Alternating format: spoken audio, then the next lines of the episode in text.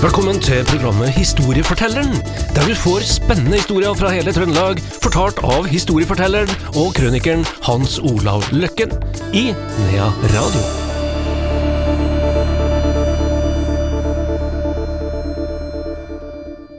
Velkommen til et nytt program i serien Historiefortelleren her fra Nea Radio. Det er en glede å ønske deg også, Hans Olav Løkken, velkommen tilbake til oss. Jo, takk.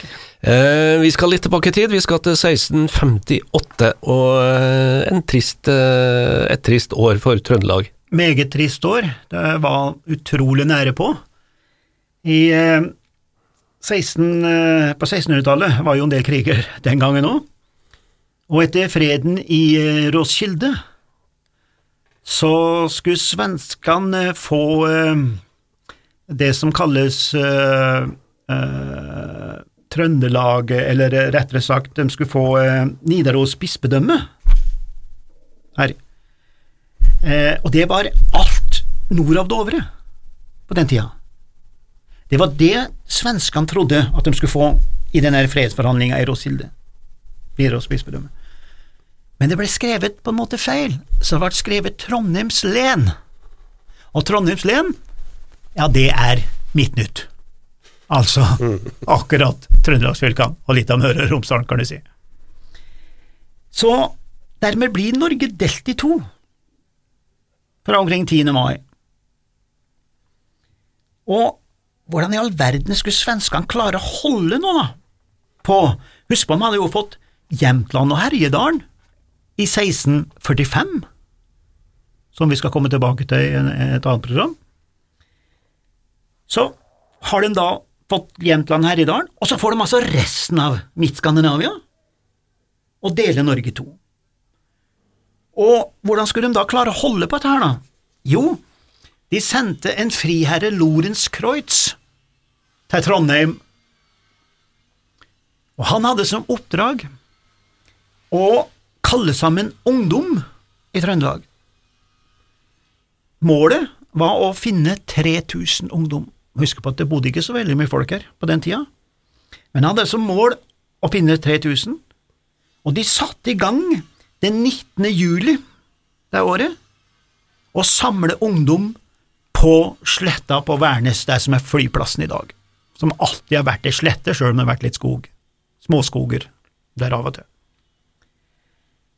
Og da de slutta den 5. august, altså det var snakk om bare en tre, fire, tre ukers tid, så hadde de klart å samle 2831 ungdommer mellom en 16 til 25 år. Fra store deler av Trøndelag. Det er omtrent alt av ungdom i Trøndelag. For skal en forstå hvor mange det er, så må du jo være økonom, lage inflasjon ut av det. Ikke sant? Så når når, eh, når, Gå tilbake til han der Arfelt-fyren, da.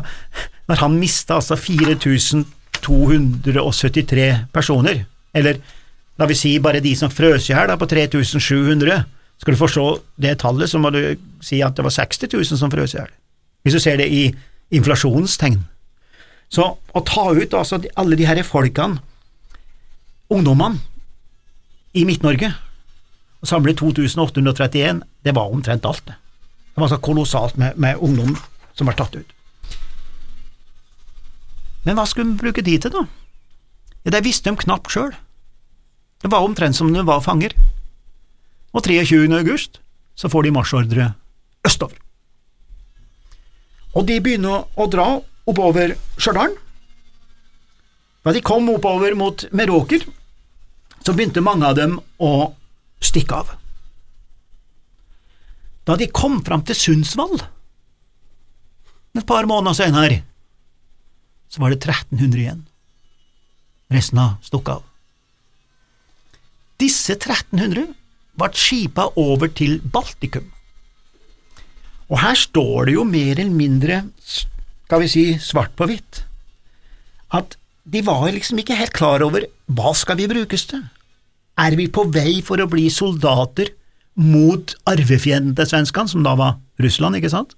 Russland har jo alltid vært arvefienden til svenskene. Så de tenkte vel som at vi skulle brukes til det, men det står i noen sånne papirer at svenskene hadde ytterligere et mål, de skulle bruke de her gode nordmennene til å plante sin sæd i Baltikum. Altså, vi er nesten inne på en rasekrig. Og det ble gjort, det. Så når de kom til Baltikum, så møtte de dessverre først en, en pest som tok knekken på ganske mange. Så var det noen som døde under kamp mot Russland, og vi har nummer og navn, og de her folkene som ble utrydda fra, fra Trøndelag, har vi også navnet på. Det er eget lite hefte hvor noen sånne forskere har gått gjennom og funnet ut, så dette er ikke noe røverhistorie vi sitter og forteller om, altså det er en virkelig hendelse. Og de plantet sin sæd der borte. Så hvis du ser på noen folk i Baltikum, så har de sånne trekk som du og jeg har i ansiktet. Ser du på folk fra Latvia, så har de mer slaviske trekk i ansiktet, mer mørk der. Så det, de planta sin sæd i, i, i, i uh, direkte betydning. Vi vet hvem som kom tilbake. Det var under 100 stykker. Vi vet hvor mange, blant annet, som dro fra Stjørdal og Hegra, og vi vet de her fem-seks som kom tilbake, og som brakk slekta videre i Trøndelag. Og det som er det tragiske i denne historien, eller ufattelige, det er jo det at Trøndelag ble liggende med brukken rygg. Tar du vekk Ta vekk 60 000 ungdommer i dag, da, fra, fra hele Midt-Norge, fra Trøndelag. Da er vi ferdig, Andreas. Tar du vekk ungdommen, så har vi ikke noe fremtid. Og på den tida var det enda mer sårbart. Hvem skulle da dyrke neste lapp? Hvem skulle være livsforsikringa for foreldrene? Det var ikke mannfolk igjen. Det var et kolossalt mangel på mannfolk, som gjorde at brukene forsvant. Og et sted så står det at gamle Hegra kommune har norgesrekorden i gjenskapte Tufte. Altså, det ble ikke noe igjen oppover Stjørdal, for de døde bare ut da den beste ungdommen forsvant. Og det jeg skal fortelle nå helt til slutt, da, bør du ikke fortelle til noen, da for da blir det noen som blir litt høy på pæra. Men det kom altså oppover 4000 fra Vestlandet og redda Trøndelag. Jeg må ikke fortelle at Brann-supportere og sånn, da, men det var altså vestlendinger som redda Trøndelag. Og det som er litt artig med den der, er at de her fra Sunnfjord regiment, som kom oppover, hivde ut svenskene før juletidene som var jo, Dette her dreier seg jo bare om, om høsten, ikke sant, var jo bare seks måneders tid. Hiver man ut svenskene, og så legger man seg som grensevakter langs svenskegrensa. Da. Og da snakker vi om den gamle grensa, husk på at Jämtland og Herjedalen og alt det der, ikke sant, men, eh, nei, men eh, den nye grensa, skulle du si. Sånn at en kaptein han blir liggende oppe i Færsdalen, som da er en dalføre rett nord av, av Meråker, der NM på ski ble nettopp arrangert for noen uker siden. Sånn at der blir han en kaptein liggende, og som vi skal fortelle historie om senere en gang, men vi skal ta en liten sånn kjappis her nå. Og han her er kaptein, han sitter under en granlege oppe i Færsdalen og tenker over sitt liv som grensevakt og så gjør han som de fleste av oss når vi er ute og reiser.